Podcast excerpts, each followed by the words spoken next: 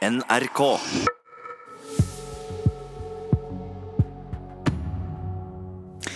Klokka er 17 minutter over åtte. Vi har samlet ukens fredagspanel, som i dag består av teaterdirektør Tom Remlov ved Riksteatret, samfunnsgeograf og førstelektor Carl Fredrik Tangen ved Høgskolen Kristiania og kulturredaktør Karen Kristine Blågestad i Fedrelandsvennen, som er med fra studio i Kristiansand. God morgen, alle sammen. God morgen. God morgen, god morgen.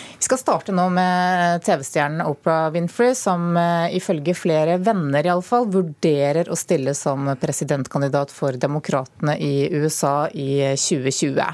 Ryktene skjøt fart etter Golden Globe-utdelingen i USA, der konferansier Seth Myers ba henne om å stille som presidentkandidat. Og Oprah Winfrey fikk også mye skryt for talen hun holdt der. Vi skal høre litt av det hun sa. Reece Taylor died 10 days ago, just shy of her 98th birthday. She lived, as we all have lived, too many years in a culture broken by brutally powerful men. So I want all the girls watching here and now to know that a new day is on the horizon. Ja, Oprah Winfrey fikk eh, mye applaus. Eh, spørsmålet er er det en god idé at hun stiller som presidentkandidat i eh, USA? Ved nærmere ettertanke, ja. Nei. Karen Kristine? Nei. Ok, Da starter vi med deg. da. Tom, hvorfor sier du ja? Altså, Som jeg sa ved nærmere ettertanke, fordi det er jo tydelig at i, dag så er skal vi si, mediekløkt helt avgjørende, en avgjørende kvalifikasjon for å ha en sånn posisjon, en så høy politisk og krevende politisk posisjon som, som presidentvervet i USA utgjør. Og Samtidig, så, uh, ta litt nærmere rede på Winfrey, så har hun jo faktisk altså et politisk engasjement, og et livslangt politisk engasjement. Um, sånn at jeg, jeg, tror hun kunne, uh, i likhet med svært mange, uh, sette seg inn i og beherske politikken. Og så er det formidlingen av den og kontrollen på hvorledes den oppfattes, og, og hvilken rolle den spiller i medielandskapet, som blir en viktig side ved saken. Så eh, Sammenlignet med mange andre man kunne få av eh, broilere og den slags eh, som kandidater til den posisjonen, så syns jeg egentlig hun er svært interessant. Så skal man selvfølgelig føye til at hun er farget og at hun er kvinne, som i amerikansk sammenheng, i hvert fall for så vidt også internasjonal sammenheng, ville være viktig. Jeg tror at altså, jeg syns hun står for en del ting som jeg syns er vanskelig. Så det er New Age-aktige greiene. Det, boka The Secret, eksempel, som hun har vært med på å selge, som er omtrent sånn at ønsker du deg noe, så skal du få det. Altså, jeg tror Oprah Winfrey hun ser folks problemer, hun klarer å artikulere dem og konkretisere dem på en måte som gjør at hun også kunne fått en del velgere på det. Jeg syns hun står for en del ting som er ganske sånn vanskelig, også den måten som hun tenker kommersielt eh, på. Men jeg tror også at hun kan tape for Trump. Fordi at de er kanskje litt sånn for like. Og, og beherske media altså Obama gjorde jo det. Han kom fra på en måte intet og, og fikk det til.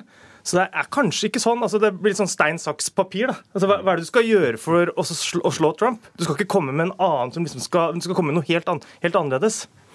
Ja, Karl Kristine? Ja, nei, Jeg tenker at eh, det er en eh, veldig dårlig idé. Fordi at eh, jeg tenker at ikke det holder å være å ha mediekløkt eller bare være et veldig velmenende menneske. Man skal ha røttene sine og beina sine godt plantet i tung politisk erfaring, tenker jeg, for å kle den rollen som president i USA godt. Du skal kunne handelspolitikk, utenrikspolitikk, sikkerhetspolitikk, klimapolitikk. Altså de derre følelsesstyrte, like, emosjonelt styrte Facebook-popularitetskonkurransen må på en måte prøve å holde litt unna tung, viktig realpolitikk. Men det er jo en eh, god evne å kunne dra med seg velgerne, da? Ja, men da er det jo veldig mye bedre hvis du har godt funderte politiske visjoner, og i tillegg dette talentet med å dra med seg velgere. Så en bør jo på en måte det viktigste først, politikk, og så mediekløkt osv. etterpå, tenker jeg. Men hun er jo ikke uten politiske visjoner i det hele tatt. Det må jeg nok si. Det, det som sagt, å ta litt nærmere rede på hennes, hennes bakgrunn eller fortid, så, så kommer det klart uh, fram. Så må jeg nok si at, at, det vi har opplevd, i hvert fall for min del, det vi har opplevd til nå, er at uh, med, med Trump, er jo at de amerikanske institusjonene administrasjonen, og for så vidt også den amerikanske administrasjon, fungerer eh, ikke så verst eh, slik som de må. Og at de følgelig altså, utgjør det nødvendige apparatet rundt en som er en frontfigur. Um, og, og, da er det spørsmål om hva slags personlighet den frontfiguren har. Kanskje mer enn en den tunge politiske erfaringen. Eh, man ser jo også at eh, tung politisk erfaring, som man kan kalle det i vid forstand, eh, kan føre til en avstand mellom, mellom folk og, og, ledelse, som jo har vært en, skal vi si, et truende fenomen de siste par årene, og ikke minst også det som har ført til Trump. Men jeg syns det er problematisk, fordi at det amerikanske presidentvalget er jo et valg over personer. Og hvis personen bare blir en frontfigur, så syns jeg jo det er det er jo å endre rollen eh, til den amerikanske presidenten veldig. Kanskje til det bedre. Det kan, ja, det, kan som, det kan, jo virke som de har litt for stor politisk innflytelse i forhold til andre tilsvarende funksjoner eller i andre land. Det var jo en diskusjon eh, rundt Clinton hvor det sa at det er, ikke, det er plass til hel, i helvete til kvinner som ikke støtter kvinner. Jeg synes at Den retorikken kanskje rundt kvinner, rundt svarte, den kan fort bli litt skummel. altså Du, du glemmer liksom oppbygging av de totale institusjonene. og Det syns jeg at hun har invitert til i den, i den talen sin. Jeg regner med det kommer til å skape mye debatt eh, dersom hun velger å stille. Vi må skifte tema. I går så meldte vi her i Nyhetsmorgen at salget av nasjonalromantiske malerier har fått et oppsving det siste året. Før så fikk ikke auksjonshusene solgt disse maleriene, men nå selger de nesten eh, alle. Og spørsmålet er Kommer dere til å henge opp flere nasjonalromantiske bilder på veggen nå? Vi starter i Kristiansand. Eh, ja, det vet jeg ikke. Kanskje. Ja. Eh, nei. Jeg har et par allerede, så det rekker. Ja. Carl Fredrik sier nei. Hvorfor det? Jeg kommer til å henge opp mer romantiske, tror jeg, men ikke nasjonalromantiske. De er jo kraftfulle og fine. Syns absolutt at, den, sånn, at sånne, sånne, uttrykk har blitt satt veldig i skyggen, har vært litt sånn uheldig i kunstutviklinga. Um, men jeg tror jo ikke man skal overdrive disse ryktene om brå endringer i folks, uh, i folks, smak. Og det er jo det dette her er uh, lite grann. Så um, jeg tror ikke at det kommer til å komme mye mer nasjonalromantisk rundt omkring på, på veggene. Og, også, og det, der, det, du ser nå, er jo et sånt spill som foregår hele tida. Altså, skal du være i fronten i kulturen og i kunsten, så må du finne noe som ikke andre har funnet. Og veldig ofte så ligger jo det der i det andre ikke anerkjenner. For liksom, Da er du enda flinkere enn den, de mange som kan anerkjenne, hvis du finner noe som andre ikke kan uh, ta i. I hvert fall hvis du har en, uh, en eller annen posisjon, da. Ja, ja, du, ja, du, må jo ha en posisjon, men du sånn, hvis du er litt yngre enn de andre og kanskje har en litt annen utdanning og står litt utafor, sånn, så må du liksom slå på stortromma. og Da må du finne noe som, som mainstream ikke liker, og si at det er det egentlig som gjelder. Dere har jo ikke skjønt det. Og da løper du jo videre, da. Sånn at hvis nasjonalromantikken nå slår igjennom voldsomt, så kommer jo noen til å finne et eller annet uh, annet. Plutselig blir det reklameplakatene fra 40-tallet isteden som gjelder. Men nå snakker du jo om kunst uh, veldig mye som mote, eller som en estetisk uh, bølge. Og det kan jo være at det er uttrykk for noe annet, for noe dypere. For en litt sånn identitetssøkende, en litt sånn mental endring i befolkningen. Ja, altså Det kan jo være en del av en strøm, altså brexit. og um, Jeg, kan, se den, jeg kan se den også. Men dette her er veldig en sånn, ugles, et sånt uglesett uttrykk i kunsthistorien gjennom en god del, god del tiår. Så i så fall er det liksom begge, i så fall er det begge deler. Jeg, jeg er helt enig. Altså, jeg tror det representerer bare et, et, altså et brudd. Og det, det, er kanskje best eh, skal vi si, identifisert i, i, det vi fikk høre om eh, markedsutviklingen. Med andre ord at denne typen kunst har vært skal vi si, underpriset. Eh, og nå, og derfor løper folk med penger løper den veien for å kjøpe, for å investere. Og det er jo dette som er så uheldig. på en måte, Uheldig trekk ved billedkunst er at det er et investeringsobjekt. Derfor de store pengene folkene også satse på den kunstarten eh, fremfor andre kunstarter. Ehm, så syns jeg det også var riktig av Kulturnytt å intervjue en, en interiørarkitekt, for det på mange måter handler om det. Altså Nå har, har interiøret skiftet. De, de, av oss som av og til er nødt til å bo på hotell, vi stifter jo bekjentskap med den såkalte nybarokken, hvor alt er altså overdekorert og overfarget. og altså, Det er jo ikke, det er jo som man ikke syns det er plass til ens egen sjel engang i de rommene man rykker inn i.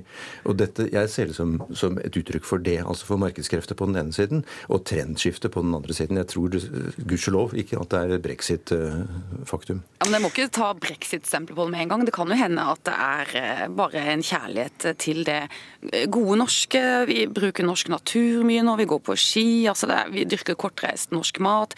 Senterpartiet gjorde det godt ved sist valg og sånn, det er litt brexit-aktig. Men det kan være gode ting også, det er jo ikke noe farlig. Jo, men den understrømmen har vært der hele tiden. Folk drives tilbake til de store klassikerne i litteraturen osv. Så, videre. så jeg tror den er der, så den kommer til overflaten som en trend. Vi må videre til eh, regjeringsforhandlingene som nå fortsetter på Jeløya utenfor eh, Moss. Og dersom Venstre kommer inn i regjering, så blir det nok naturlige endringer i statsrådskabalen. Og en ny regjering kan være på plass allerede neste fredag. Spekulasjonene er nå i full gang rundt om det kan bli et skifte når det gjelder kulturminister. Og spørsmålet er derfor, hva tror dere? Får Norge en ny kulturminister? Ja. Ja. Ja. Alle er eh, enige. Hvorfor det? Fordi eh, jeg tror ikke egentlig Høyre ønsker den eh, jobben, og Fremskrittspartiet ønsker den i hvert fall ikke. Eh, så det er en jobb som på mange måter er ledig, samtidig som jeg tror Venstre virkelig ønsker den. de har politikere som behersker feltet, og de har politikere som ønsker å utfolde seg og uttrykke seg gjennom det feltet. så det syns jeg ligger helt i dagen. Jeg er helt så er det en billig ting å gi Venstre. Fordi eh, det er tross alt ikke så store kulturbudsjetter, så du kan gjøre en god del. Det er litt som Kristelig Folkeparti for noen som er kirkerelatert. Så du kan gjøre mye som er ganske synlig, uten at det er å øke lærerlønningene med 20% eller noe sånt. Ja, jeg er helt enig med begge de foregående talene. Det er en vinn-vinn for eh, alle. Venstre vil gjerne ha det, og veldig billig gave å gi bort for de andre politiske partiene. Det er jo dessverre et eh, betydningsløst, en betydningsløs, nesten liten pott på statsbudsjettet dette utgjør, men det betyr mye for eh, kunst- og kulturlivet i Norge. Ja, men kan vi vente oss store endringer, da? Det er en profileringsarena. Altså, Trond, skal ikke glemme Trond Giske skaffet seg nesten sin plattform gjennom sine fire år som, som kulturminister. Ja, Det har jo vært en plattform for veldig nye, ferske statsråder, og sånn, så det er eh, absolutt en, eh, et fundament for videre karriere. Det er det jo. Mm. Det var det vi rakk i Fredagspanelet denne uken. Tom Remlov, teaterdirektør ved Riksteatret, samfunnsgeograf og førstelektor Carl Fredrik Tangen og kulturredaktør Karen Kristine Blågestad i Fedrelandsvennen, takk for at dere var med her i Nyhetsmorgen. Takk skal du ha. Klokka nærmer seg 8.30. Det betyr at neste post på programmet her er Dagsnytt. Og så fortsetter jo Nyhetsmorgen fram til klokka ni.